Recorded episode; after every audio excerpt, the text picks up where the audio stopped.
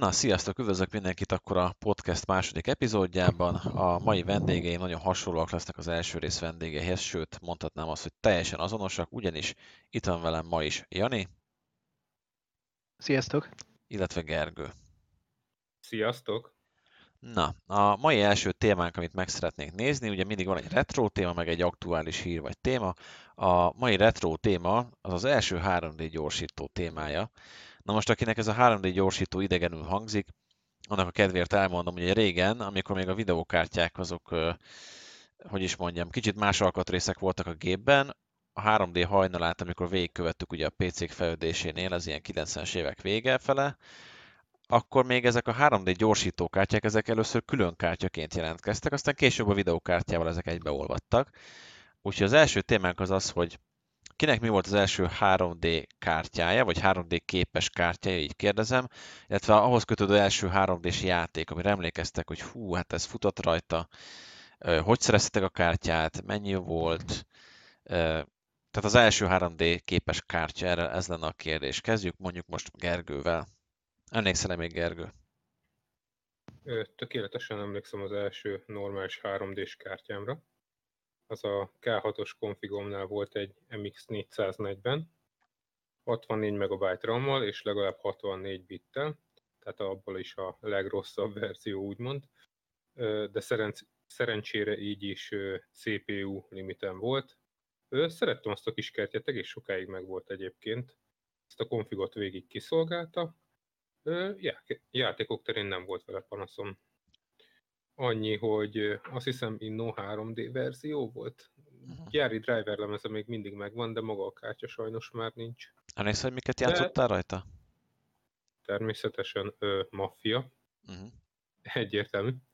Ö, Age of 2 ment, Warcraft 3, ö, az Underground egyet akartam vele próbálgatni, de az ugyebár proci limit miatt kiesett toltam vele különböző kis szimulátorokat, Colin McRae rallit, 04-nek a demóját, az biztos. Volt valami repülőszimulátor, Porsche 2000 biztos ment rajta, uh-huh. ott nem volt semmi lag, meg ilyesmi, az maxon ment. Meg is lepett, hogy pont a 64 bitesnél úgy jól megy. Jó, mondjuk akkor annyira nem értettem hozzá, de azt tudtam, hogy ez a leggagyibb verzió. Aha. Ami 440-ből lehet és arra viszont még emlékszem, hogy aktív fűtéses volt. Uh-huh. Tehát nem melegedett szerencsére. És újan vetted, vagy használtam? Használtam természetesen. Uh-huh. Ö, hát nem én vettem, hanem akkor még szüleim. Ja, ja. Egy gépfejlesztésbe. A 64 MB RAM-hoz kapott még akkor a gép 256-ot. Ö, és ezt a videókártyát, a DVD írót meg én tettem bele pluszba a gépbe. Ugye az a, mondtad is a Procithoz képest azért ez egy erős kártya volt viszonylag, nem? Hát bőven erős, tehát egy erősebb procit kiszolgált volna bőven. Me- mekkora volt az óréled a procinál? 400 MHz. Aha, hát ez akkor... Hát ezt... a... Aha. Több mint a fele volt talán az MX440-nek, mint a maga a proci, tehát... Aha. Igen. Kicsit hardcore volt hozzá. Na, még lehet, hogy visszatérünk erre, de akkor átadom a szót most Janinak, hogy neked mi volt a első 3D képes kártyád? Meglepő módon MX440. Na, és neked milyen gép ez volt? hát ez már a Pentium 4-es gép volt, jobban mhm. mondva, ez még a Celeronos volt, és akkor én nagyon-nagyon sokat freelancereztem. Uh-huh. És ugye az alaplapi 3D Savage ez... Bocs, hogy megállítalak, Jani, aki nem ismerné, egy-két szót mondasz a játékról? Űrhajós, valamilyen szinten szerepjáték, tehát az is volt benne, vagy legalábbis a cutscenes azok nagyon jók voltak, és egyébként űrhajót magadnak vásárolod, tudod egy kicsikét upgrade fegyvereket upgrade és hát kell csinálni a küldiket benne. Tehát a, a kampány küldiket. Aztán utána pedig van ilyen free roam, meg multiplayer is egyébként, de annak idején ezek tök jó játékok voltak, ugye az Elite után ez, ez a, a freelancer, free space, ezek jöttek be, amik így, így hirtelen ö, átvették azt a hangulatot, és elég jól át is vették, szóval vitték őket. Mondjuk akkoriban még nem nagyon ismertem az Elitet, szóval ez nekem nem Ja. mondott semmit. A Freelancer volt a legújabb, de, de jó volt. És hát ugye alaplapi hang, vagy hangkártyával, videókártyával S3 Savage volt az oda az alaplapom. Hát azzal nagyon le kellett venni a felbontást, és nagyon le kellett venni az összes effektet. Mhm. Tehát tényleg ilyen, ilyen bérminimumon ment. És amikor azt a videókártyát egyébként magamnak vettem az egyik osztálytársamtól, mert nekik volt egy uh, Samtex ö, boltjuk. Ö, Betettem a gépbe, és hát hú. Tehát, hogy hirtelen fullben, full, full felbontásba tudtam játszani, meg, meg ugye minden csillogott, villogott.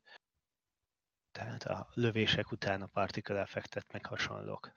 És ez az nagyon nagy különbség volt akkor. És más játékban nem érezted azt, hogy hát azért, azért a procihoz képest Á. meg már kevés kezd lenni a kártyád? Ö, hát de. Bár elsősorban nem 3D-s játékokkal játszottam akkor. Uh-huh. Mármint voltak 3D-sek, de ilyen, ilyen nagyon minimálisan. Tehát, hogy stratégiai játékban 3D-s egység az mennyi? 15 vertex összesen. Hát na puf. Tehát, hogy ez bármi elbírja.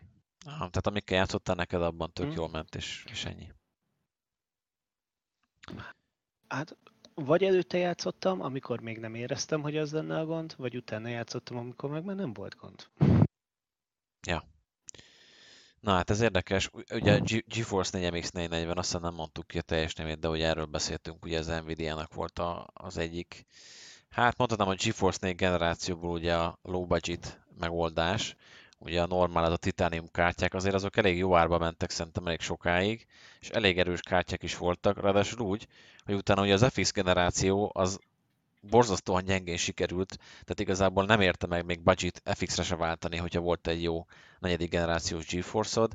Hát az MX440 egyébként az ugye, én nekem is volt videóm ezzel kapcsolatban, FX 5002 ellen például, hogy még belépő modell volt a következő generációból, hát sokszor elkalapálta. Ugye Pixel Shader az nem volt benne, a Pixel Shader támogatás, tehát mondjuk a Morwinben nem csillogott szépen a víz vagy valami, de hogyha ezt az ember nem tartotta annyira fontosnak, akkor igazából nem érte meg upgrade-elni. Úgyhogy azért ez egy elég jól sikerült ilyen budget vagy népkártya volt, azt szerintem mondhatom. Hát nekem az első 3D gyorsítóm az időben hátrébb visszanyúlik egy picit. Nem tudom, hogy azért, mert hogy engem előbb kezdtek érdekelni a 3D-s játékok, vagy, vagy miért is volt, de azt nem mondhatok, hogy ez mikor volt. Emlékeztek arra? Most akkor Gergőz visszakanyarodok, hogy ez, ez mikor volt, amikor neked meg lett ez a GeForce 4 MX 440? Jó kérdés, mi? 2006 környék?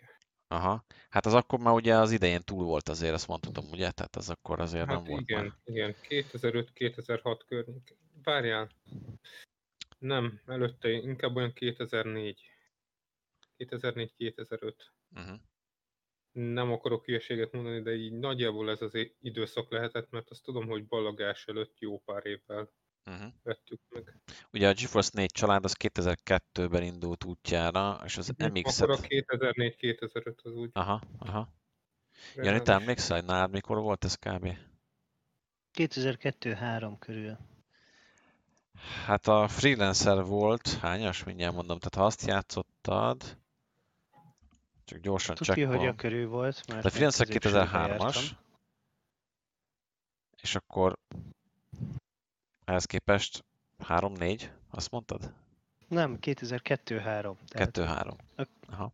tudja, hogy akkor még középsuliba jártam, és ugye 2003 nyarától már nem, szóval, hogy ez még előtte volt. Aha, tehát akkor te viszonylag azért újan, úgymond, még Igen. megkaptad a kártyát. Aha, aha. És egyébként itt volt egy anekdóta is mellé, hogy amikor én ezt megvettem ott a, mint említettem, osztálytárstól, hogy tök jó, akkor ezzel felbuzdulva az egyik másik osztálytársam is vett, csak neki véletlenül a rosszat hozott az apja, és egy MX440 helyett egy Titanium 4002-t adott neki véletlenül. Fúha. Hát igen, gondolhatod, mennyire irigyeltük. Ez kellemes meglepetés. Ugye, aki nincs képben, a Titanium 4002 az ugye a midrange nek az első kártyája volt szintén a GeForce 4 családból, ami azért már nem volt rossz. Tehát nekem És most is van már volt pixel shader. Igen. Ezért egy ilyen mellé vásárlást.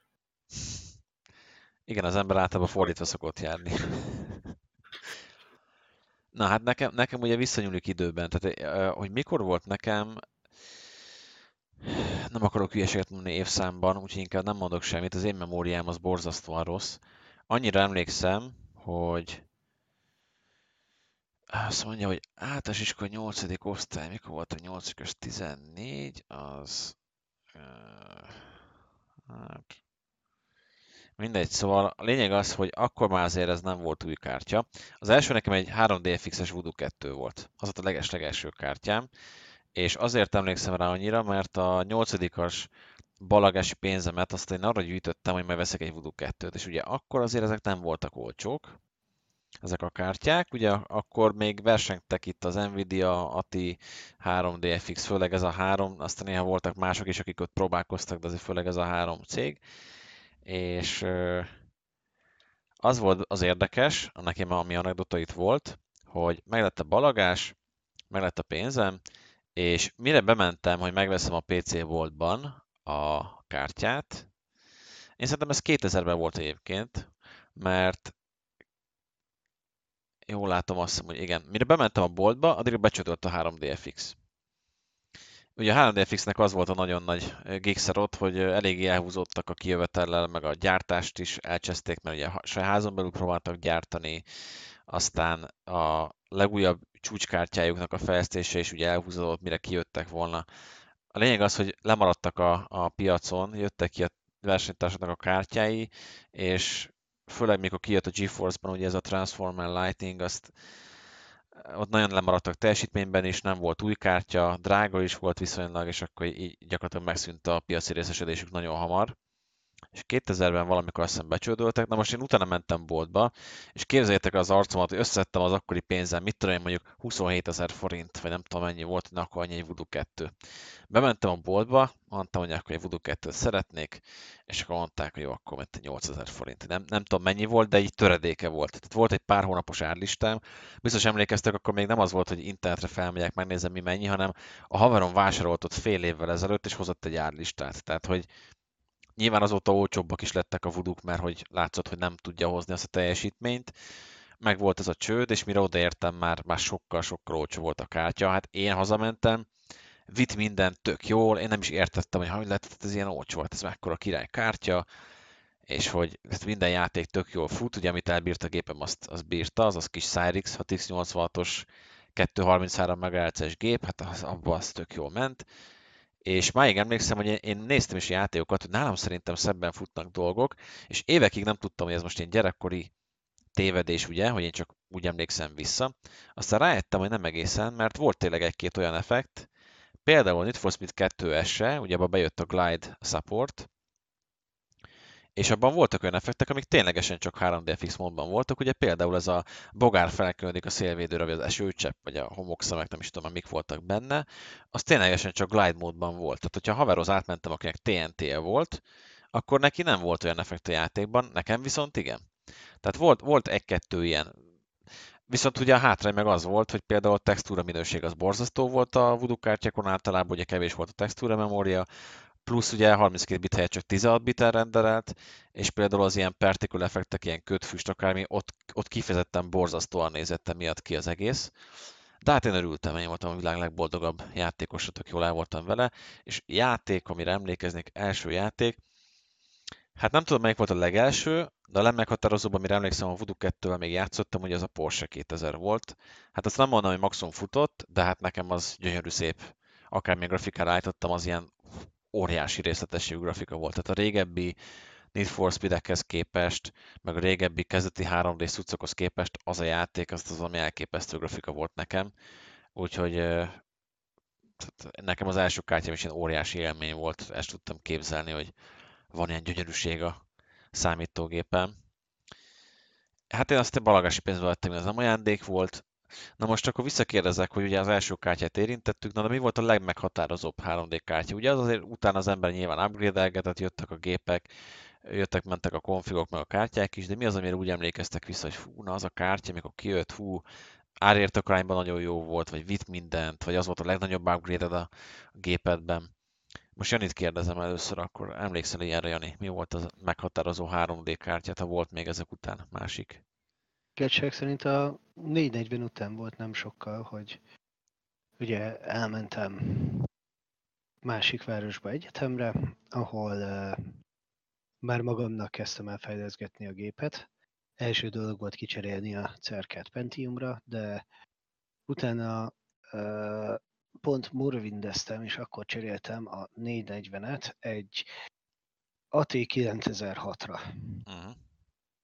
És hát ott találkoztam először a Pixel Shaderrel, tehát ténylegesen ott a Morrowindban látszódott a víztükrön a különbség, méghozzá eléggé nagyon. Igen. Plusz ugye a Morrowindre már a 440 kicsit kicsi volt, tehát felbontást is nagyobbra lehetett hirtelen húzni, hasonlók, tehát ott nagyon látszódott ez a különbség. Esetleg Need for Speed Underground, vagy ilyesmi volt? Igen, de ez csak később már. De játszottam velük. Underground 1 az nagyon meghatározó volt anno. Azért az ugye pixel shaderes effektekkel elég jól nézett ki el, meg a motion blur, meg Igen. Stb. Igen, csak azt nem láttam 440-en. Igen. Akartál még valamit mondani? Lehet, de már kiment a fejemből. Oké, és akkor az lehet még Gergőhöz. Gergő, neked nagyon meghatározó kártya? De rögni fogok, te is a 96-ot mondod, mert nem beszéltük meg, szóval... Nem, de a szín meg az utolsó három szám stimmel. Pár generációval később és már PCI Express, de a 2600 Pro volt uh-huh. nekem az, ami így meghatározó volt. Ugyebár én K6 után rögtön hát nagyot ugrottam, LG a 775, Celeron procival, Celeron D420 azt hiszem, azt húztam, mintha muszáj lett volna, és amellé volt egy HD 2600 pro abból a 256 megabajtos verzió, szép kék, zafír kiadás. Uh-huh. Az nekem nagyon meghatározó volt, nagyon sokáig elkísért. Kiszolgált egy processorét is, ugyebár a 775-ös labba. És hát azon kezdtem ezt Subs the Zombies-ni. Tehát nekem az a kártya az így megmaradt, hogy azon fut a Stabs the Zombie. Azon tudja, hogy fut. Igen, megjegyzés, Stabs the Zombie az a gombhoz a kabát effektus, tehát konfigurációt kell keresni, amin elindul. Miket játszottál még rajta, Gergő? Mert lehet, hogy az nem annyira ismert játék. Guitar Hero 3, Legends of Rock, San Andreas, azon kezdtem el vózni, karbonoztam rengeteget rajta, uh-huh. Oblivion esetleg? Rajta. Micsoda? Oblivion esetleg, vagy ilyesmi? Nem, nekem az Elder Scrolls az kicsit később jött be. Aha, aha. Tehát ne, nem úgy. Talán akkoriban annyi szerepjátékkal nem is játszottam, meg az Age of 3 volt az, amit rengeteget játszottam rajta. Hú, azt a, a Seasonból elvihettem, mert arra emlékszem, hogy azért az viszonylag kisebb kártyával is beérte. Ö, azt játszottam egy Dell laptopon, valami integrált rettenettel, és azon is szépen elfutott. Ja, nekem is az az emlékem hát, róla. Rengeteget koszakszoztam. Az még jó kis játék volt, bár az azt hiszem csak két dés volt talán, ugye? Az első legalábbis biztos, aztán lehet, hogy volt folytatása. Back to voltam. Az egy ilyen kiegészítő volt, ami nem igényelt az alapjátékot. Aha, ja, értem. Ez már olyan 3 d volt, legalábbis hatásra. Uh-huh. Hát nekem egyébként, ami meghatározó volt, hát nyilván ez a Voodoo 2 egy első kártya, és igazából nagyon jó volt a teljesítmény, és rengeteg játékot elvitt, de utána szerintem talán a 6006 GT és GeForce az volt az, ami ugye azt hiszem FX 5002-ről upgrade ami ugye alapból egy nagyon rosszul sikerült generáció leggyengébb videókártyája volt, tehát arról ugrottam 6006 GT-re, tehát ég és föld volt a különbség. Tehát ugye az egy budget kártyáról az előző gemből a jelenleg generáció ilyen közepes kártyára ugrottam, plusz ugye rengeteg minden, nem is tudom már milyen DirectX verzió ugrások voltak, de a lényeg az az, hogy például bementem Oblivionozni, és hát ugye az FX-el, én nem is tudom, hogy azzal egyetlen elindult-e. Ki kéne próbálni, most már kíváncsi kezdek lenni, hogy ez így feljött az a gondolat, de valószínűleg meg se próbáltam, mert örültem, hogy a Morrowind az megy, aztán kész de hát el tudtam vele Oblivionozni, tudtam vele igazából gondolom, én Androgant 2-t ilyet izomból elvitt az. Tehát nagyon jó kis kártya volt, elég sokáig kiszolgált, tök jó volt a teljesítménye, és bármi, amit felraktam, igazából vagy be tudtam állítani, ment a gépem. Egy dologra emlékszem viszont egy sztori ezzel kapcsolatban, hogy az is valamilyen ö, Inno 3D volt szerintem egész konkrétan, és Oblivionoztam éppen, és azt vettem észre, hogy elkezd szemetelni. Ilyen kis hibákat generál a kép. Hát nem értettem annyira a dolgokhoz, de azt tudtam, hogy az bajt jelent. Tehát, hogy az valami, valami gigszer van. Azonnal kinyomtam a gépet, kiúztam a tápkábelt, kapom le az oldalát, már éreztem, hogy ömlik ki a meleg a gépből, na ott már mondom, bajok lesznek. Veszem ki a videókártyát, és olyan tűzforró volt, hogy azonnal le kellett, hogy rakjam. Vagy csak így eldobtam, hogy úristen. Vártam egy picit, és hát kiderült egyébként, hogy megállt a hűtőventi rajta menet közben. Hát, hogy most a por miatt, vagy valami nem látszott annyira porosnak, vagy porcicásnak, de megállt a hűtőventie, és emlékszem, hogy elmentem, vettem egy ilyen hűtőkitet, hogy azt hiszem volt benne venti, meg ilyen véramhűtő, meg ilyenek. És akkor felragazgattam szépen ott a vérammodulokra kis hűtőbordákat, meg kicseréltem a ventiét, és az a vicc, hogy visszaraktam a gépbe, és tökéletesen működött, semmi baj nem volt, és még utána használtam nem tudom meddig. Tehát ez a vétel után, mint a fél éven belül. Még az is, hogy garanciális volt, csak én meg olyan kis izé voltam, hogy hát majd én megcsinálom, tudod, hát nehogy már nekem garanciába kicseréljek egy ugyanilyen gagyi ventilátorra, és azon aggódjak, hogy meg, mikor áll meg a második, és gondoltam, majd én megcsinálom. Ne kérdezzétek miért. De egyébként utána működött, úgyhogy... De azt azért tudod, piszok nagy mázlid volt.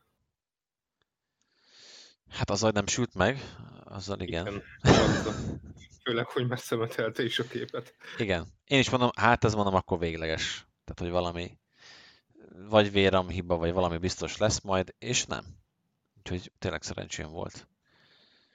Na, bármi ilyen 3D gyorsító sztori eszetekbe jut még, mert ha nem, akkor viszont én tovább bevezek a másik témára. Jöhet. Jöhet a következő. Jani, részedről is? Yes.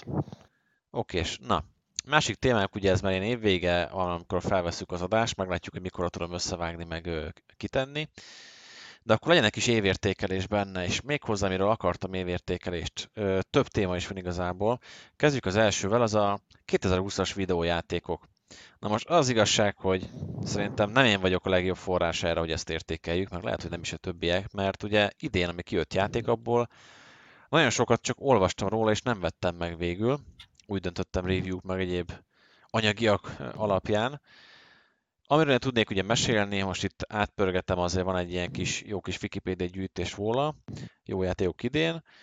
Igazából az FF7 remake, azt ugye megvettem, végig is játszottam, tehát arról tudok én majd mesélni. Last of Us Part 2, Among Us, Half-Life, Alyx, Ghost of Tsushima, van egy csomó, amiről nyilván jól értesült vagyok, olvastam a review-kat, de én nem játszottam vele. Aztán vannak ilyen kisebbek, mint például a Hades, ami egy ilyen kis váratlan siker lett, úgymond. Um, jött ki mondjuk új Dragon Quest, a Flight Simulator, a Crusader Kings 3, a Spelunky-ból jött ugye folytatás. Hát F1 2020 az mondjuk érdekes, mert azt én nem játszottam. Ki lett emelve azért a, a szkórja alapján elég jó pontszámot kapott, 91-en áll most. Hát én szerintem akkor mindenki emeljen ki egy vagy két játékot, amivel játszott, ami szerintem nagyon jó volt idén. És nem baj, hogy most valószínűleg mindannyiunk csak egy-kettővel játszott, teljesen lényegtelen, de amiről tudunk is mesélni. Uh, Jani, most akkor veled kezdeni. Mi az, amivel ide játszottál 2020-as játék, és azt mondod, hogy na ez jó volt? Akkor én azzal kezdem, amivel nem játszottam, de vártam nagyon. A KSP 2-t mondták, hogy kijön, aztán Mi ez a elhalasztott. Kerbal Space Program uh-huh. Mhm. 2.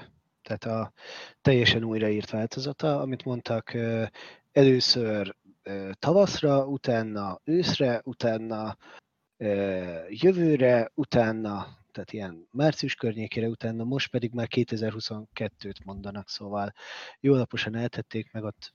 Hát volt egy csúnya malőr is, hogy felvásárolták a stúdiót, de én azt nagyon vártam, és nem lesz egy előre. Amivel játszottam is idei játék, ugye Alix, ami egy nagyon jó játék, uh-huh. Factorio, ami Hivatalosan idén lett release tehát eddig Early Access-ben volt 8 évig, és most lett kirelease és az is egy nagyon jó játék, abban is fú, vagy 800 órán benne van, azt tuti. Hát akkor A- elfogulatlanul tudsz nyilatkozni róla, gondolom. Igen, igen, igen.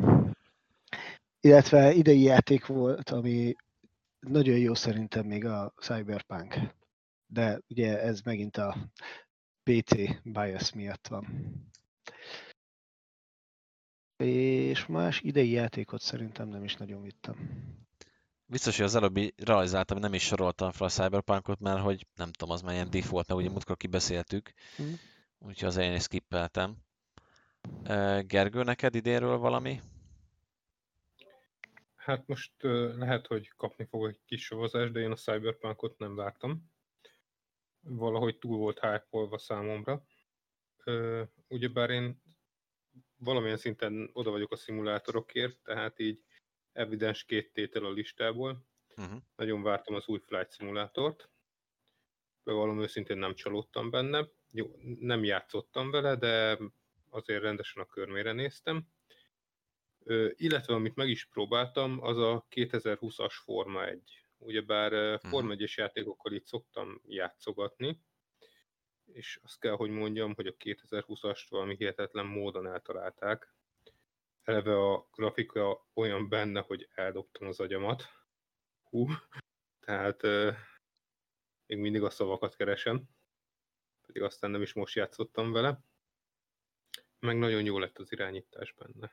Ezt akartam csak megkérdezni, majd visszatérünk mindjárt Janira is, meg az új játékaira, de hogy az F1-nek valamelyik korábbi változatát próbáltam, és az irányítás olyan volt, hogy két perc után kiléptem. Tehát, hogy mondom, oké, hogy árkád fizika, nem szimulátor, nekem az se baj, de annyira nem állt rá kezem, annyira nem éreztem, hogy hú, mondom, hát ez nekem nagyon, nagyon távol áll tőlem. Akkor azt mondta, hogy ez a 2020-ban elég jól sikerült? Ezt rendesen kijavították, Mhm. tehát nagyon jó lett benne. Oké, tehát a Flight Simulator F1 2020-at emelnéd ki akkor, ami neked idén legalábbis volt róla élményed, bármilyen. Igen. Na, Hát meg ugyebár én is próbáltam a Cyberpunkot, tehát Aha. Hát igen, ezt azért talán mindenki valamennyire megnézte. Visszaugrok picit Janihoz, aztán még meg Gergővel is beszélek még ezekről. Jani, mondtad a faktoriát, ami hát mondjuk azt, hogy kicsit cheat talán, mert hogy jó nem idei egészen, de, de akkor most itt ki Early Access-ból oké, okay, meg az Alixet. Akkor mesélj már egy kicsit ezekről, hogy mi volt a benyomásod, hogy ezek így miben voltak jók, miben voltak nem jók, hozták, amit várt az ember, kiemelkedőek-e szerinted a 2020-as, vagy úgy egyáltalán Hát- játékok közül minőségben?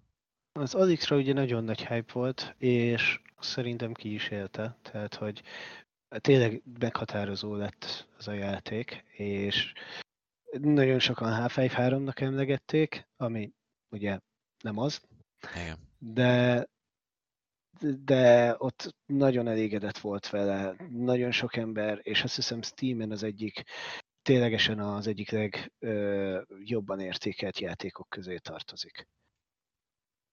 A Factorio, hát az meg olyan játék, hogy igazság szerint jó példa arra, hogy hogyan lehet early access csinálni, mert a fejlesztők azok folyamatosan hallgattak a közösségre. Egy picit mesélsz És- erről is, Jani, bocs, hogy közben szólok, hogy mi ez a Factorio? Ugye nem annyira ismert talán. A Factorio az egy indie játék, tehát ilyen low budget, ját, budget játéknak indult. Egy mérnök emberke lezuhan egy bolygóra, és el kell kezdenie magának egy másik űrhajót építenie, és hát ehhez ugye fákat vág, vasércet gyűjt, utána a kemencét épít és hasonlók, vagy kohót, bocsánat, és ezt egy idő után el lehet kezdeni automatizálni futószalagokkal, futószalagok után milyen inserter machine, tehát ami beteszi a futószalagról a ö, gyárakba vagy a kohókba a dolgokat, meg kiveszi belőle, és közben kutatgatni kell, tehát különböző kutatáshoz szükséges púsöröket, vagy hát ilyen lötyiket összehozni, amiket megint le kell gyártani, és azokat lehet vinni a laborba, azzal tudsz új, újabb dolgokat fejleszteni, ugye áramot kell csinálni, hogy menjenek a gépek, és így tovább. De ö, alapvetően nem tűnik egy ilyen túl jó játéknak, pedig én flash játékokban is szerettem ezeket a futószalagosdikat, amikor így építgetni kell, de nagyon-nagyon-nagyon jól eltalálták, és tipikusan előjött a, a mérnök énem az egészben, amikor mindent lehet egy picivel jobban csinálni, mindent lehet egy picivel jobb hatásfokot kiszedni.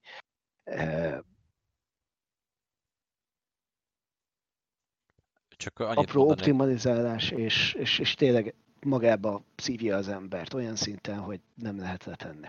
Hát a, a, megnéztem ugye most az alatlapját egyébként a Metacritiken 94 ponton áll, uh-huh. ami azért egy elég magas Metacritic pontszám. Tehát azért, azért az úgy ö, ö, nem is tudom, mik vannak 94 ponttal, de az így nagyon a top listás. Tehát, hogy ez és a Steam-en is ugye overwhelmingly pozitív a, a review, tehát, hogy nagyon-nagyon elsőprően pozitív a feedback Igen. róla. Tehát, hogy ez, ez csak így mondom én is hozzá, hogy objektíven nézve, és ez egy nagyon jó játék.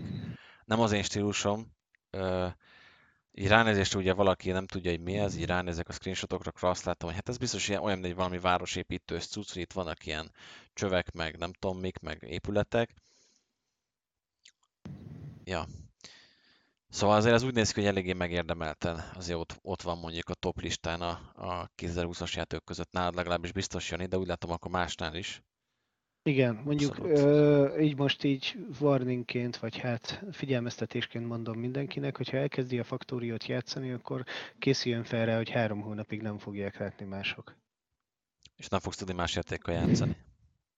Hát azt tuti.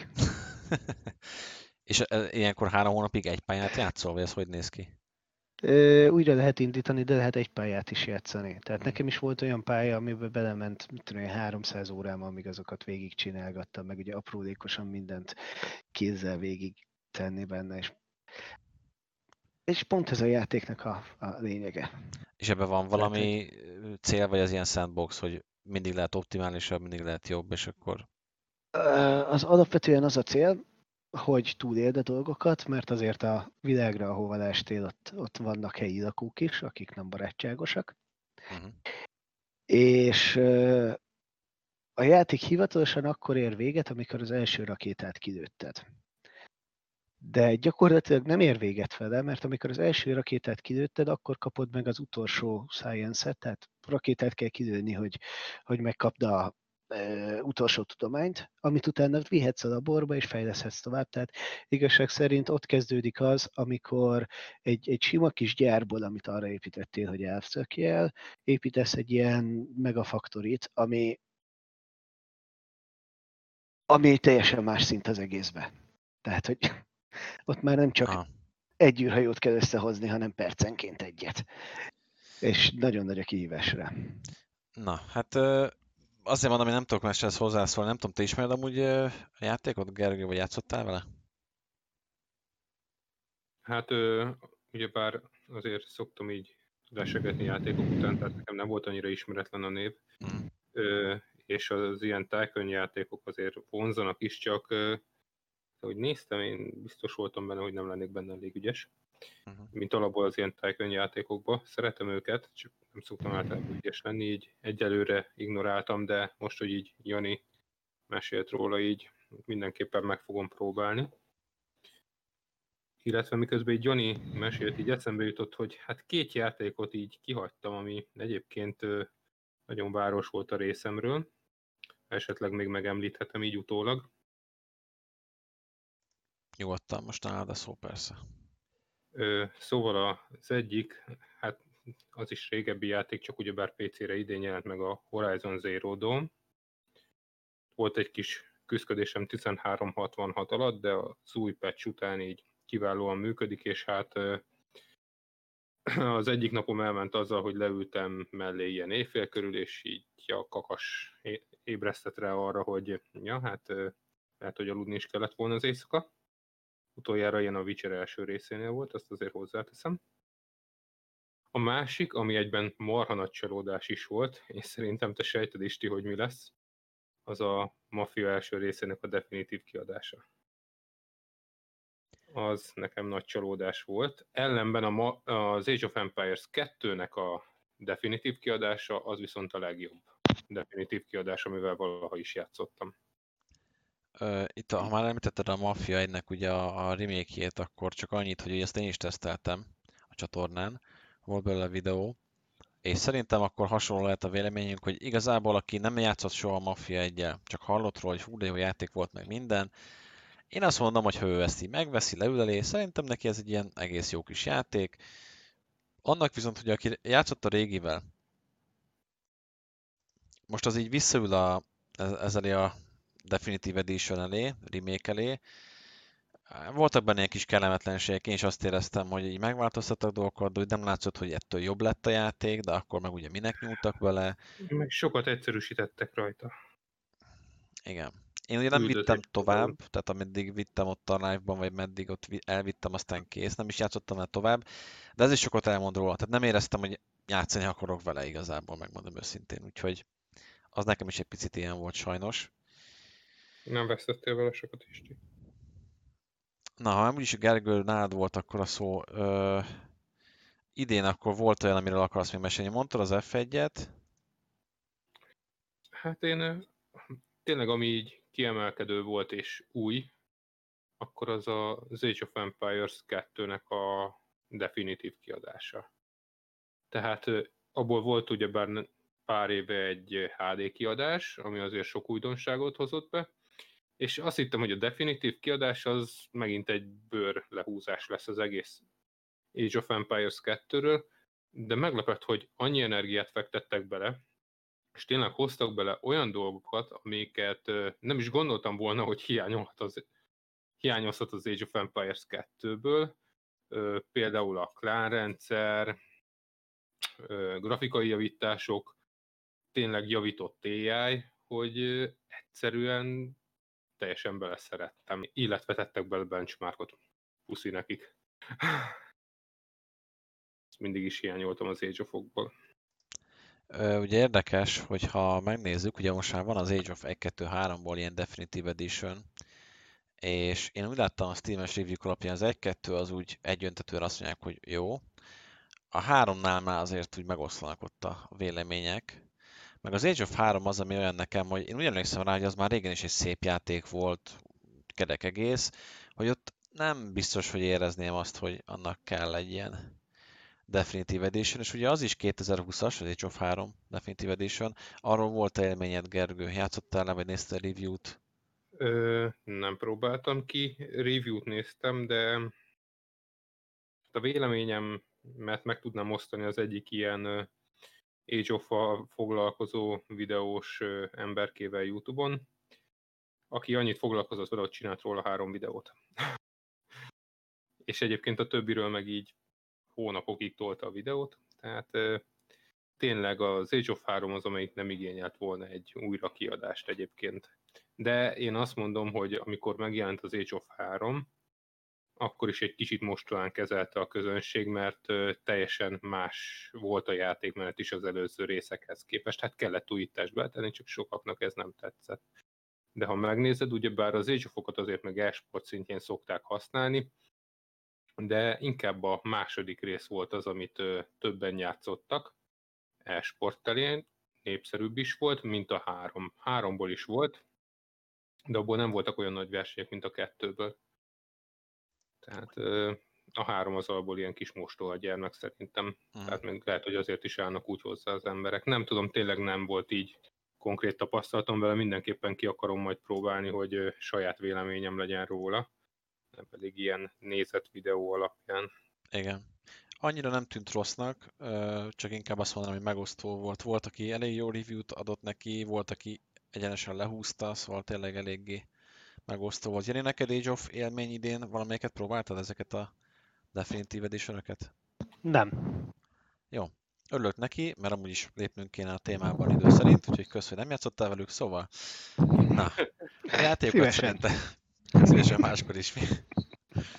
Na, viccen kívül, ugye a Cyberpunkra most nem térnék ki, mert egyrészt múltkor beszéltünk róla, másrészt majd vissza akarok rá térni egy kis idő elmúltával, hogy de most hogy látjuk, mik jöttek ki pecsek azóta, mi változott, bejött, amit gondoltunk, vagy nem, arra tök jó lesz visszatérni, de szerintem még korai lenne, úgyhogy azt most azért skippeljük, mint 2020-as játék.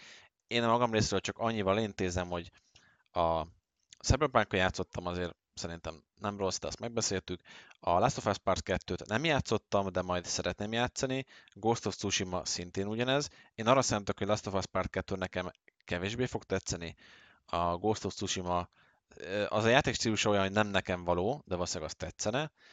Az FF7 remake ugye játszottam, végigtoltam, azt szerintem zseniálisan jó, nagyon hozza a hangulatot, a karakterek rengeteg pluszt kaptak bele, vannak kis vicces sztorik, hozzáadott dolgok, egyszerűen tényleg azt mondom, hogy szinte minden perce az élmény volt.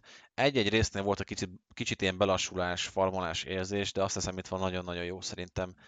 Akinek van PS4, annak kötelező. Ugye PC-re majd érkezik szintén, nem is tudom, hogy mikorra ígérték, meg ugye majd jönnek az epizódok, mert ugye ez még nem a teljes FF7-nek a remake sajnos, hanem csak egy ilyen nem is tudom hányad része külön epizódban, ami megint egy picikét engem aggaszt, megmondom őszintén, mert azért ez egy ilyen generációs projekt lesz így, tehát ha így folytatják ebből, nem tudom, hogy hány rész fog kijönni, nem mindegy, ebbe most nem megyek bele, és igazából idén nagyon más új játékkal, az Alex ugye az még várat magára nálam, de fogom játszani.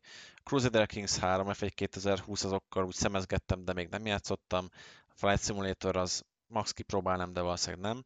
Úgyhogy én azt mondom, hogy nem tudom, ti hogy éreztétek, de azért az évnek a második fele, azért szerintem az úgy belassult egy kicsit. Tehát ott itt sokan csúsztattak, ugye koronavírus miatt volt, amit Jani is mondta, hogy rögtön már nem is kicsit, hanem sokat csúsztatták. Nehézkesen jött ki a Cyberpunk is, valószínűleg ez is talán kicsit belejátszott, vagy most ide nem jöttek ki akkor a címek, amiket én vártam, mert például nem is tudom. Én majd azt várom, amikor kijön az Obsidian valami jó klasszik RPG-vel megint, de az most még nem lesz egy ideig szerintem. Na és akkor váltsunk témát, mert muszáj most már az idő szorít minket, nem akarom túl hosszúra nyújtani. Ugye 2020-as visszatekintés játékokat letudtuk, a másik, igazából kettő másik téma is van, meglátjuk időben, hogy leszünk, lehet, hogy majd meglátjuk. Az első ugye a VR maga. Itt volt az Alix, Jani fel is hozta, hogy nagyon jól sikerült, kiaknázták a VR-t, kritikailag is tényleg jól értékelt. Jelenleg az Alix egyébként Metacritiken 93 pontos. Ugye Factory volt 94, az előbb mondtam, tehát hogy azért ez is elég jó pontszámot kapott. Viszont egyéb VR játékok, ugye hát az egyik például, amit én nagyon vártam, az a Medal of Honor Above and Beyond. Na most az nagyon várt játék volt, kijött, de valahogy nem szólt akkor át, tehát hogy csalódás volt. Irányítást hiszitták, optimizációt, ott volt, volt több minden, amire azt mondták, hát ez így valahogy nem. Most 68 ponton áll Metacriticán, én csak review-kat olvastam róla, úgyhogy aztán én nem is vettem meg végül. A másik a Star Wars Squadrons, amire azt mondták, hogy elég jó, meg hogy VR-ban tök jó, de ez a valami hiányzik, meg hogy hát ugye annyira nem áll össze, meg a content lehetne több. Ott kapott ez is bizonyos kritikákat, most 79-en áll Metacritiken, azzal is még vártam, azt sem vettem meg. A kérdés az az meg a, a téma itt, hogy szerintetek a VR a 2021-ben egy erősebb év vár, az Alix az most majd felpörgeti a VR-t, vagy most a Medal of Honor-ból tanulva lehet, hogy azt mondják a cégek, hogy hát azért még mindig nem jelenti azt az Alix sikere, hogy ilyen belőlök pénzt, energiát, akkor abból egy ilyen kassza siker lesz rögtön a VR-ban. Tehát most akkor mi, a, mi lesz a VR jövője? Mennyire fognak felpörögni? Lesznek-e AAA VR címek 2021-ben? Mik várhatóak? Jani, mit gondolsz? Nem Gergőt kérdezed elsőnek? Mert én itt el fogom vinni a szót össze-vissza. Majd lelőlek. Jó. Szóval, viszonylag kevés embernek van VR headsete. Innentől kezdve, ugye, hogyha azt mondod, hogy mit tudom én, konzolokra kiadsz egy játékot, akkor milliós példányszámok elmennek belőle, VR headsetre kiadsz egy játékot, akkor tízezres, talán százezres elmegy belőle. Tehát, hogy ez, ez per pillanat nem egy ilyen hatalmas nagy ö, ö, piac, amire megérné vagy AAA játékokat kiadni, mert egyszerűen nincs, aki megvegye. Bocsi, Jani, miért tovább mennél, akkor azt érintsük gyorsan, hogy a VR platformok, ugye konzolon, ez gyakorlatilag a PSVR. Ami most már discontinued. Igen, Te, tehát ugye az Xboxon nem is volt hivatalosan VR, és hát Nintendo Switch ugye az megint külön liga, tehát hogy az felejt, felejtős, mm. tehát a PSVR volt, mint az azt mondom, a discontinued, ezt nem, nem nagyon követem, hát a... szintén. a PS4-behez volt a PSVR, és nagyon verták a PSVR 2-t, ami majd úristen milyen tök jó lesz.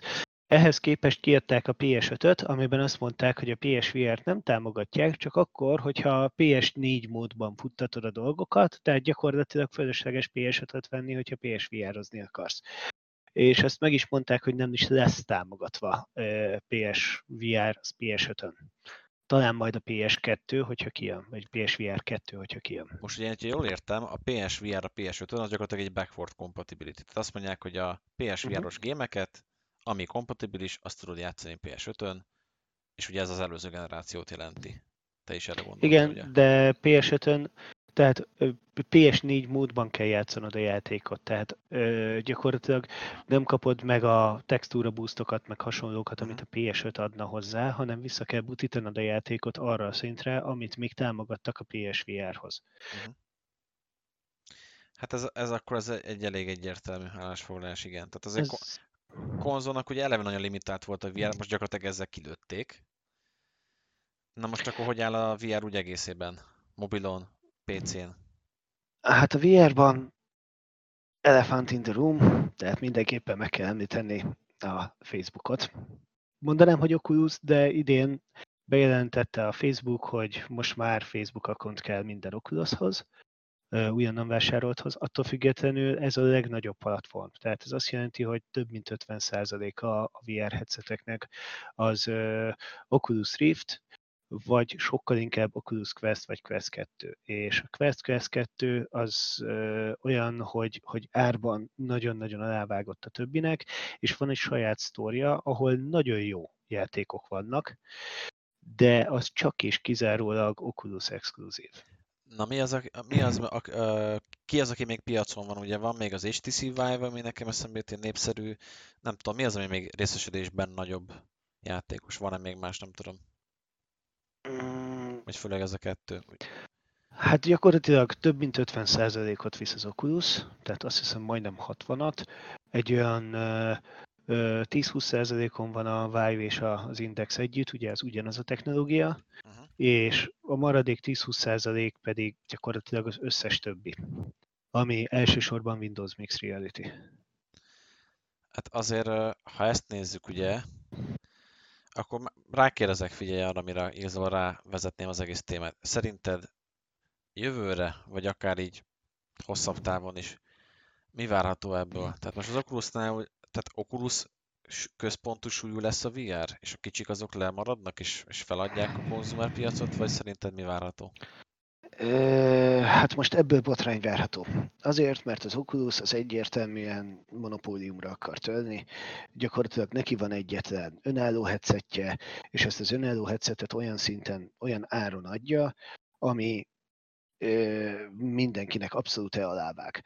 Ez azért jó, mert így gyakorlatilag 300-400 dolcsiért, ami egy, egy jobb okos telefonnak az ára, még hogyha nem is az iPhone-okat nézzük, hanem a értelmeseket, akkor azért már tudsz venni egy headsetet, ami önmagában elég, tehát gyakorlatilag ez a harmadik konzolod, vagy negyedik konzolod a Switch mellett. És egy önálló platformán nőtte ki magát, saját sztorral, meg hasonlókkal és innentől kezdve nagy valószínűséggel, mivel hogy ez már eléggé megfizethető, tehát olcsóbb, mint egy Xbox vagy egy PS4, innentől kezdve lesz majd piac hozzá, és hogyha lesz piac hozzá, lesz hozzá játék is. Gyors kérdés, hogy szerinted ez, tehát hogy rakták össze ilyen olcsón, miért nem rakott össze más is valamit olcsón, vagy esetleg lehet, hogy még veszességgel is árulják, annyira arra gyúrnak, hogy a platform azt terjedjen? Nem tudom. Valószínűleg valószínűleg egyrészt tehát minőségben jó headset, tehát nem azon spóroltak, hogy gagyit adtak ki. Nagy valószínűséggel vagy kierőszakolták a, a gyártóktól, hogy olcsón adják, vagy egyszerűen vertikálisan integrálták az egészet, hogy megtartják a hasznot rajta, vagy ténylegesen mínuszba adják az egészet, hogy ö, gyakorlatilag összeszedjék az összes VR konzumert. Ettől függetlenül idén ö, jó PCVR headset nem igazán jelent meg, a HP az, ami megjelent, de az éppen most így november végén, december elején is még senkinek nincs. Majd jövőre jönnek majd ilyen jobb headsetek, amik tényleg a következő generációnak lehet mondani, és azok viszonylag olcsók lesznek. Tehát valószínűleg 400 és 600 dolcsi között, ami még mindig magasabb, mint a Quest 2, persze, meg ehhez ráadásul kell egy teljes számítógép, ami viszonylag erős videókártyát igényel egy, egy, egy VR headset. Na most ugye, bocsánat, közbevágok. Ugye kérdés, hogyha most az Oculus ezzel a move gyakorlatilag a Rift vonalat azt ott hagyta a pályaszélén, és most a Quest sikeres lesz, és erre bevásárolnak, és vesznek játékot, és a többi. Mire kijönnek megint a PC-re az újabb, jobb VR szetek, vagy a piacon lesz -e még ennek értelme, vagy már lehet, hogy annyira tolódik ez a dedikált platform irányba, hogy senki nem lesz értelme. akármit venni. Mert pont idén jött be egy teljesen új platform, ami egyébként mindenki ignorál. Ez pedig a böngésző. Nem Ténylegesen. valami WebGL VR, valami support? Vagy, vagy a WebGL VR support az bejött, és Chrome-ban, Mozilla-ban, Opera-ban, mindenben támogatják a VR headseteket. Ugye ehhez kell egy firmware, amit tudsz használni a saját headseteden, de innentől kezdve gyakorlatilag JavaScript-ben tudsz írni játékokat, és nagyon-nagyon-nagyon sok van már ebből. És nagy valószínűséggel ezek előbb-utóbb majd beépülnek majd holnapokba is, hogy legyen lenyűgöző egy-egy honlap, egy-egy PR honlap.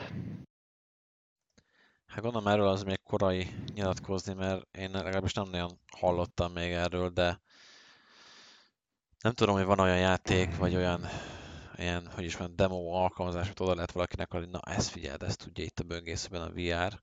Izgalmas hangzik, az biztos. Én pontosan egy hónapja néztem, sőt nincs is egy hónapja, a 3GS-t, ami egy közkedvelt 3D-s library JavaScript alatt játékokat csinálni, és az például most már abszolút támogatja. Én is ott vettem észre először, hogy a böngészőben mm. most már lehet mi az VR játékokat játszani. Meg ugye elvileg Unity-ben is már ez van ez a web VR Uh-huh. Úgyhogy én nem néztem meg fejlesztő oldalról, azt tudja, hogy érdekesen hangzik. Most, ha egy rákeresel, akkor inkább ilyen fejlesztői cuccokat találsz, tehát nekem azt sugalja, hogy még nincsenek ilyen killer appok rá, de nagyon kíváncsi leszek, hogy miket hoznak ki, mert mondjuk azért egy, mit tudom én, nem tudom, Google Earth, vagy akármi, szóval el tudom képzelni, lehetne rögtön csinálni valamilyen demót belőle, hogy hú. De ezek nem játékok.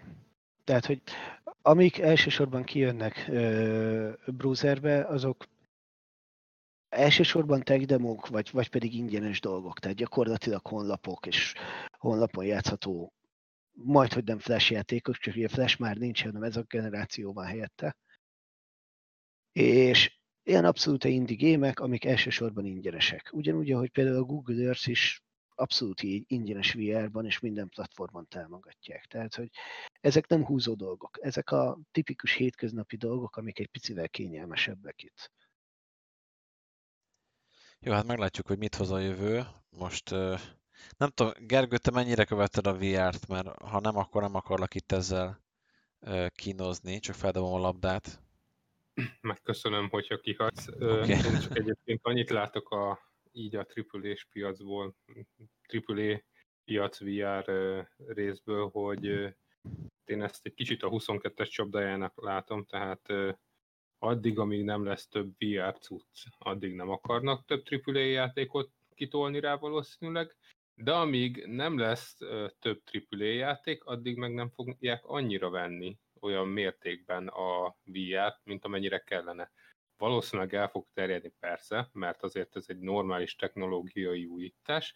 Voltak olyanok, amik hülyeségek voltak a történelemben persze, de ez normálisnak tűnik, egész használhatónak is, ahogy így hallom, látom, mesélnek róla az biztos, hogy még egy darabig el fog húzódni az, hogy mindenki VR cuccra rohangáljon otthon.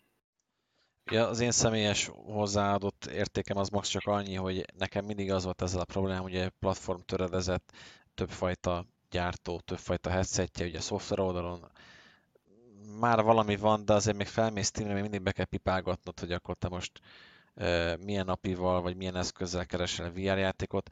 Tehát valószínűleg ez akkor lesz nagyon átütő siker, amikor sikerül végre elérni, legyen mindenki egy OpenVR-on vagy valamin, és tök mindegy, hogy milyen device-on van, valahogy lesz egy saját config a játékhoz, vagy valami kis utility, vagy akármi, meg a driverem, elindítom, és az működik, és én, nekem nem kell tudnom, mint vásárló, hogy most az én VR headsetemhez mi kompatibilis, mi fut vele, mi nem, hanem, hanem ez így olyan élmény lesz, tudod, mint amit most egy konzoljátékos is elvár, hogy leülök, rányomok, hogy FF7 remake, indul és játszom és kész. És engem nem érdekel, hogy mi a felmontásom, milyen eszközön van, bírja vagy nem, milyen képvisítés, hogy kéne beállítanom, meg mit tudom én. Hát nem tudom, mikor leszünk ott. Jó, csak ez megint egy picit elfogultnak érzem, mert hát milyen, ténylegesen milyen, ez milyen van. irányba elfogult? Tehát most, hogyha felmész Steamre, és keresel egy PS4 játékot, akkor ugyanúgy pipálgatnod kell össze-vissza, hogy mit akarsz kikeresni. Mert PS4-nek saját uh, sztória van, ugyanúgy Xboxnak is saját sztória van, tehát azzal nem a Steamre mész. Tehát innentől kezdve VR-ral is jó. A Steam-en... Hát nézd, az, hogy a PC-s játékosok megszokták ugye több évtized alatt, hogy nekik van egy gépük, abban van egy videokártya, van X gigabyte vagy megabyte memória, és azt nézik, és tippelgetik, hogy a játék fut-e vagy nem. Ez egyébként egy megint másik kérdés, nem akarok belemenni, a PC az mindig is erről szólt, hogy nagyon nehéz rá optimalizálni, hiszen rengetegféle hardware van, rengetegféle gyártó, rengeteg cucc, de hát ugye ez eleve egy ilyen platform. Én csak azt mondom, hogy amíg ugye egy játékos, aki legtöbbször nem is vesz PC-t, tehát ma egy játékos nem a magyarországi játékosokról beszélek most általában, a világpiacot nézem, aki játszani akar, ezért ő magában nem fog PC-t venni, mert játszani akar, akkor vesz egy konzolt, hogy miért az más kérdés, vagy előfizet mondjuk egy ilyen Google Stadia-ra, vagy valamire, tehát hogy vannak megoldások, amikhez nem kell neki hogy mondjam, PC-hez nyúlnia, és nem kell tudni arról, mi van abban a gépben, és nem is érdekli. És jogosan nem érdekli. Tehát én ehhez hasonlítom, hogy az a kényelmi szint, meg az az integráció, meg az a szoftverellátottság, tehát játékokra gondolok itt elsősorban. Tehát én próbálgattam, ugye most nálam is van VR, és elég jó, de még mindig az van, hogy például azt mondanám, hogy akkor YouTube kliens kerestem, hogy nyilván van a 3D, ez is volt régen ilyen 3D-s YouTube kliens, akkor nézek 3D videókat. Biztos van ilyen VR-hoz, meg 360 fokos videókhoz, nem fejteném ki, nem volt annyira egyértelmű a sztori, nem is tudtam ott megoldani, hagytam a francba. Ez most nem minősíti a VR-t, mint technológiát. Én azt mondom, hogy a piaci viszonyok most, meg a platform törezettség az, amiben még azt látom, hogyha mondjuk a, tegyük fel a Quest az annyira sikeres lesz, hogy mindenki más eltörpül hozzá képest, és a Quest lesz mondjuk 60% piaci részesedéssel, minden más meg saját, beleértve az oculus is, ennek csak töredéke, akkor már én, mint VR fejlesztő azt mondom, hogy akkor én Questre fejlesztek. Aztán max belerakom később egy patch hogy fusson az HTC Vive-on is, mert ha lesz időm meg energiám megcsinálom, ha nem, nem. És akkor aki VR cuccot akar venni, ezt tudja, hogy Questet kell venni, azon fut minden. Mint ahogy Igen most a kontrollert veszel, Xbox kontrollert veszel, mondjuk PC-hez, mert azzal minden működik. És pontosan ez van, mert Steamhez képest kétszer-háromszor annyi játék van Oculus Store-ba főleg exkluzívok és ilyen minőségi játékok. Én néztem is azt a sztort, és nagyon vonzó, ugye ami mondjuk nem annyira vonzó, hogy ott azért ritkább az, hogy leakciózzák, és nem annyira, mint mondjuk ugye Steam-en, meg ott azért meg kell nézni, hogy mire fizetsz be. Tehát lehet, hogy nagyon jó VR élményed lesz, de hát mondjuk mit tudom én, 20 euró, és az mondjuk nem tudom én, pár óra gameplay van benne, és azt neked mérlegelni kell, hogy megére neked annyit. Valószínűleg újrajátszhatóság az ugye attól függ, hogy a VR ad annyi élményt. Én még ott nem nagyon költekeztem. Még egyelőre úgy óckodtam tőle, hogy megint egy store, megint egy plusz egy account, és ide veszek valamit, ki tudja ez meddig lesz itt, vagy érted, leveszik a játékot, vagy a store szűnik meg, vagy mit tudom én, a supportja a headsetemnek, szóval hogy még, még kicsit nincs meg ez a bizalom nálam, és nehéz megragadni, hogy miért, mert én sem tudnám ezt racionálisan megmagyarázni. Jó, csak érted? Tehát, hogy ezt ugyanúgy néz, mint egy konzolnál. Tehát, hogyha hát ez megveszed a PS4-et, és így én nem veszek a Nintendo Store a... semmit. Nyugi, pont ezért. Hol van már a Nintendo Store, amit vettél a 3DS-re, érted? Vagy valami? Ugyanez, persze. Tehát ez nem csak rájuk igaz. Igen.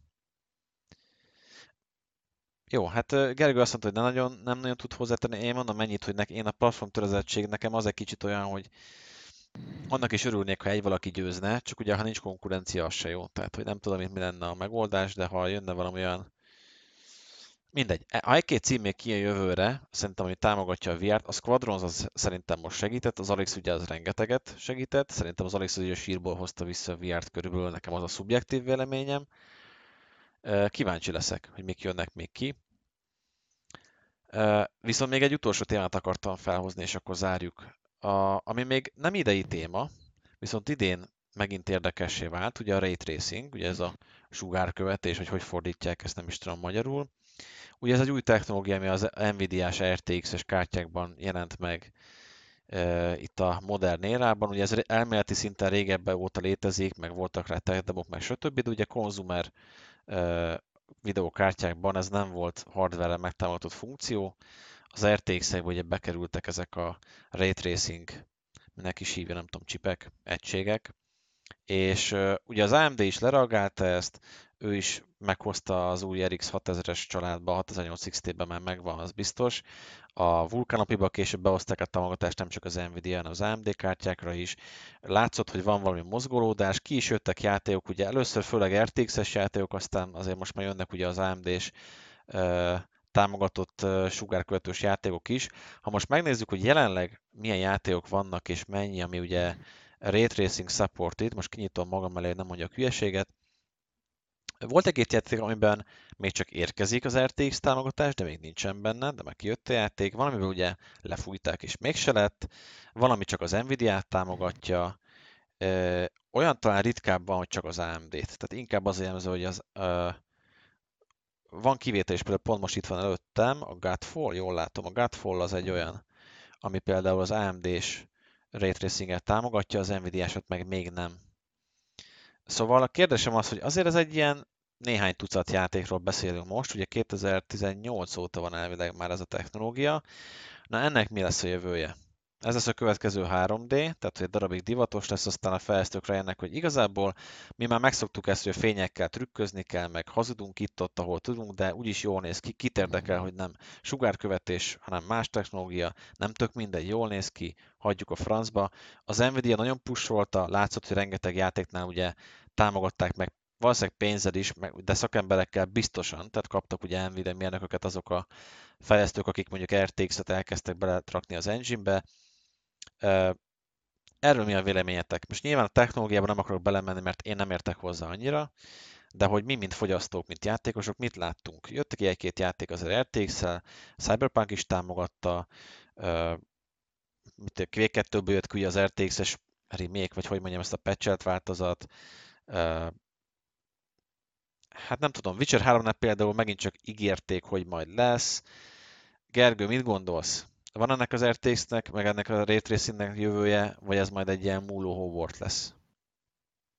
Szerintem van jövője mindenképpen, mert a játékosok egyre inkább igénylik azt, mint régebben is, csak most már jobban, főleg, hogy van a Master PC Racing, hogy minél szebb legyen a játék, minél élethűbb, és hát így a Ray Tracingnek van értelme, illetve ugyebár amikor még nem volt rá elég játék, azért voltak megoldások arra, hogy mégis legyen értelme annak a chipnek, például az OBS, az használta a kártyáknak a ray tracing chipét, dekódolásnál, tehát én nem tartom hülyeségnek a, ezt az RTX-es technológiát, tehát mindenképpen van jövője. Vagy egyszer én is beruházok egy olyan kártyába, de az nem ma lesz. Valószínűleg jól is tetted egyébként, hogy még nem ruháztál be. Én ugye előre szaladtam, mert hogy engem nagyon érdekelt, hogy amit támogatja, az hogy néz ki, mit jelent az ugye teljesítményben. Azért az RTX 2000-es családra én azt mondanám, hogy azt támogatja, de bár én nem 4 játszom, de már Full HD-ban is van, ami azért az RTX módban térdre ereszkedik finoman szólva, tehát a 4 meg nem is mondom, tehát az látszik, hogy azért ez valószínűleg inkább a 3000-es családban lesz egy ilyen killer feature. Nem tudom, Jani, te mit gondolsz?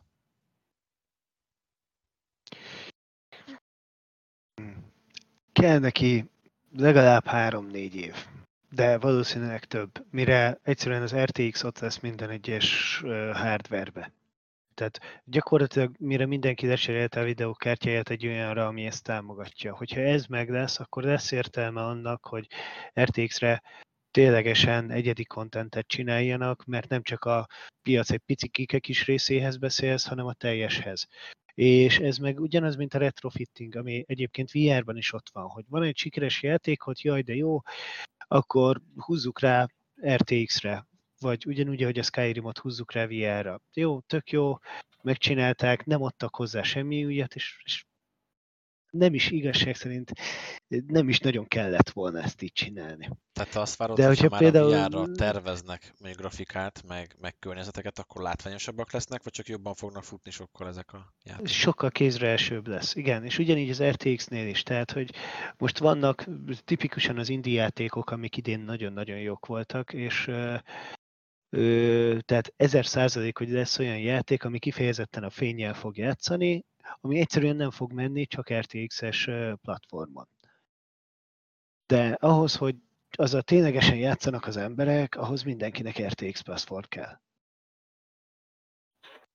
Hát ugye gondolom, hogyha van most valakinek egy videókártya, ami nem RTX-es, ugye azt hiszem az AMD-nél is úgy van, hogy a nem RTX dedikált csipök is tudnak ugye ray tracinget számolni, csak hát abban nincs sok köszönet, az, az másodlagos. De mondjuk egy indie játék esetében lehet, hogy még a, a szoftveres RTX is elbírná mondjuk azt a kis indie játékot, amiben van négy darab, nem tudom, fénypötty, ami mit tudom én pattog, vagy nem tudom. Nagy valószínűséggel nem négy darab fénypötty lenne benne, hanem ténylegesen ráépítenének erre, és és elkezdeni kipróbálgatni a dolgokat, aminek utána hát elindítaná a, a, az ötlet lavinát, és mindenki elkezdene erre rájátszani.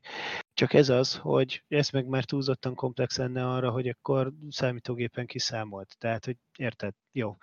Nem kell neked uh, ray tracinges kártya, csak legyen benne az előző generációból 8 darab, hogy bírja már számolni.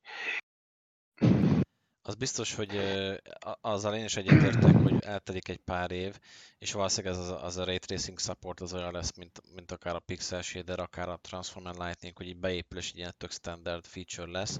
És ugye az a jó, ami nekem nagyon tetszett, hogy kijött ugye az RT, 2000-es RTX család, ugye nem volt ilyen, hogy hát ez a kártya még nem tudja az RTX-et, tehát nem volt ilyen budget kártya, hogy hát ez RTX nem támogatott, de tehát látszott, hogy az Nvidia azt mondta, hogy ez a jövő, erre megyünk, ezt mindennek tudnia kell, és azért az látszik szerintem a piac részéről is, hogy most itt még lehet, hogy a, Ugye az a baj, legyünk őszintén, 2018 körül, vagy mikor jöttek ki ugye ezek a, az első kártyák, na most a helyzet azért az az, hogy egy AAA PC játék fejlesztése az több mint két-három év és pénzben is nagyon sok, időben is nagyon sok. Ugye menet közben megtudni, most nyilván lehet, hogy már tudták fél évvel előbb, nem tudom, de hogy már ott van egy engine ami nem tud RTX-et, ott van egy játék eszetekkel, amit már raksz össze, amiben semmi RTX-ről nem volt szó. Tehát nyilván, amit a retrofitting mondott a Jani is, utólag bele lehet kovácsolni egy patch hogy nézd, ezen a pályán ez a effekt tök jól néz ki, vagy ez a terem, és az lesz az RTX szoba, vagy az RTX, nem tudom, utca, de azon kívül ezt így nem nagyon lehet jól megcsinálni. Úgyhogy én is arra számítok, hogy a következő években, tehát amit már most kezdenek el fejleszteni, úgyhogy RTX az már ott van, mint egy kihasználandó feature, amit tudnak, hogy most már Nvidia RTX vagy az AMD és Ray Tracing, de valamelyik tuti benne lesz már minden jobb, akár közepes kártyában is. Na én is arra leszek kíváncsi, hogy így mit hoznak ki, így mit raknak rá az asztalra, nagyon-nagyon érdekes fantázia valószínűleg azért tényleg, aki mondjuk videokártya upgrade gondolkodik, ugye jelenleg gyakorlatilag nem is nagyon lehet kapni ezeket a kártyákat, tehát hogy ha most akarsz venni, nem tudom, egy 6000, 6008 XT, vagy mi, mi az a AMD oldalon, tehát hogy nem nagyon tudsz ilyeneket venni, mert én most felmentem az AMD honlapjára, nincs készleten, ezen az AMD honlapján, hogy nincs készleten. Tehát mm, igazából ezt így vinnék szerintem, ugye mint az új generációs konzolok, még ott tartunk, hogy vinnék, ha lenne. Tehát, hogy annyit adnak el, amennyit legyártanak igazából. De ezen nem tudom értelmet a számoknak nézegetni, mennyit adtak el, mert annyit, amennyit gyártottak. Nagyon kíváncsi leszek. Szerintem ez egy mindenképpen egy olyan dolog, ami következő egy-két évben biztos, hogy lesznek elég jó a dolgok erre még. Mondja, De még hozzátennék még egy, ja, Mondjad, Jani, mondjad. Szóval hozzátennék még egy apróságot, ami igazság szerint nem játékokkal, hanem technológiával kapcsolatos, hogy ugye ez a DLSS, ez elég erősen épít a, a neurális hálókra, tehát gyakorlatilag a machine learningre, ami az utóbbi időben hatalmas nagy lett. Tehát nagy valószínűséggel, hogyha ezt a sláger tovább akarják vinni, akkor amúgy is mindenkinek kelleni fog olyan platform, ami, ami DLSS-t, vagy hát ö, ilyen komolyabb machine learninget támogat, tehát nagy valószínűséggel a hardware az hamar el fog terjedni, akkor pedig már a játékok is mehetnek majd rá. Mondja, Gergő, te is akartál hozzászólni még? Csak azt, hogy szerintem ugyanúgy tényleg idő kell neki, mint ahogy annó a physicsnek is kellett. Senki nem hitte akkoriban, hogy igazából bármibe is ki fogjuk rendesen használni a physics-et. Ugyebár akkor még külön kártya is volt a physics, jó, ebbe különbözik, de végül is nagyjából már majdnem minden játékban ki van használva a physics, tehát szerintem az RTX-el is ugyanez lesz, hogy tényleg idő kell neki. Csak ennyit akartam. Aha. Most visszanéztem a listára, hogy miket írnak itt. Egyébként a, a Control az egyik olyan játék, ami engem még majd érdekelne, bár az már nem idei, tavalyi. És ott azt írja például, hogy Nvidia is, AMD is támogatott. Hát nem néztem meg, megmondom őszintén. Azért már le lehet rakni, tehát ha megnéztek egy játékról mondjuk videót, hogy RTX off meg on, ugye ez mém is volt egy időben, mert azért... Nem tudjuk, mire gondolsz. Igen. Mert ugye, ha, ha egymás mellé raksz két screenshotot, vagy akár videót is RTX off meg on, és egy modern játékról van szó, azért látszik az az, hogy, hogy most még ott tartunk, hogy ez a, ez a retrofitting, hogy belepecselés, hogy igazából, ha ultrán van egy játék, és csak az RTX-et kapcsolom ki, azért még mindig elég jól néz ki, részleteken meg lehet fogni, hogy aha, itt, itt szerintem ez az RTX miatt megváltozott, vagy valami. Nem is biztos, hogy az egyértelműen rosszabb lett, meg rondább, nem is biztos, hogy az annyira szemes szúr, szóval én tényleg majd azt várom, amikor már mondjuk egy level designer úgy kezdi a pályát, hogy ugye tudod, hogy RTX, ezt most már minden tud ray tracinget, lehet azzal játszani, hogy ezek a felületek, amit a Quake 2 is megcsináltuk, ugye, hogy mennyire ereszti át a fényt, vagy veri vissza, mi látszik rajta, mit tükröz vissza, amik ugye normál számítási kapacitással hát elég húzós dolgok lennének, azt mondjuk most lehet, hogy jól le lehet majd modellezni, vagy akár csak egyszerűbb lesz a, a kódja, nem tudom. Nem néztem a fejlesztő oldalról. Kíváncsian várom, az biztos. Viszont nagyon elment közben az idő, úgyhogy akkor azt mondanám, hogy akkor 2020-ra visszatekintve, most ilyen játék szempontból, vagy technológiai szempontból, bármilyen végszó egyéb, ami eszetekbe jut még, akkor azt mondjátok most.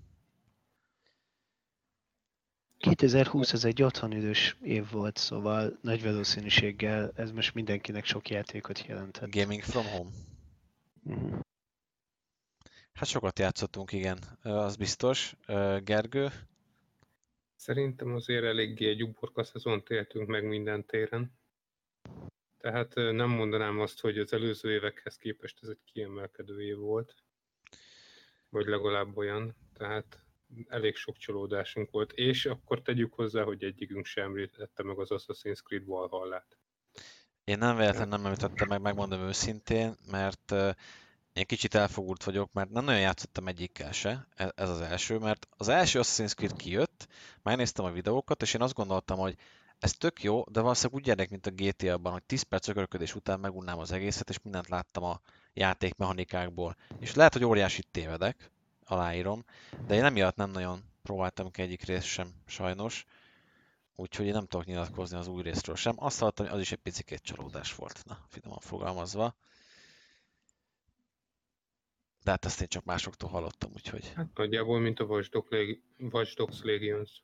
Vagy mi ugye, volt az? ugye idére, idére sok csalódás jutott, meg csúsztatások, ugye elhalasztott dolgok, szóval én is kicsit azt éreztem, hogy úgy kicsit úgy hogy mondjam, lett volna most mivel játszani, és ami kijött, abba se volt annyira nagy köszönet. Valahogy kicsit. Ez volt nekem is az érzésem. Kivéve hát a faktóriót. a faktórióval. Így van. Jó, hát szerintem ez így akkor perfekt jelszó. Játszatok faktóriót, meg Alixot, abban nem fogtok csalódni. A cyberpunk játszatok, hogy már megpecselték, de egyébként most már szerintem abszolút vállalható, ha valaki most akar belenézni. Úgyhogy ha nincs más egyéb záró gondolat, utolsó bekiabálás, veszek egy nagy levegőt, akkor igazából szerintem zárjuk itt, megbeszéltünk minden témát, amit hoztam. Köszönöm akkor Janinak és Gergőnek, hogy megint csak itt voltak ebben a második adásban. Ha bejött nektek, akkor kérek jelezzétek ezt bármilyen platformon, halljátok, látjátok, hogy tudjunk róla, hogy folytassuk. Még mindig ez egy ilyen nagyon beta fázisban van, de én úgy vettem észre, hogy azért pozitív volt a visszajelzés, úgyhogy szerintem lesz még folytatás. Köszönöm szépen akkor még egyszer a vendégeimnek, ugye a hallgatóknak, és akik itt voltak, meg még itt lesznek. És akkor hát ez egy ilyen év volt, reméljük, hogy mindenből csak több és jobb vár minket, de inkább jobb 2021-ben. Úgyhogy akkor előre is, vagy utólag is boldog új évet mindenkinek, és akkor találkozunk a következő podcast epizódban. Addig is akkor sziasztok! Sziasztok! Sziasztok!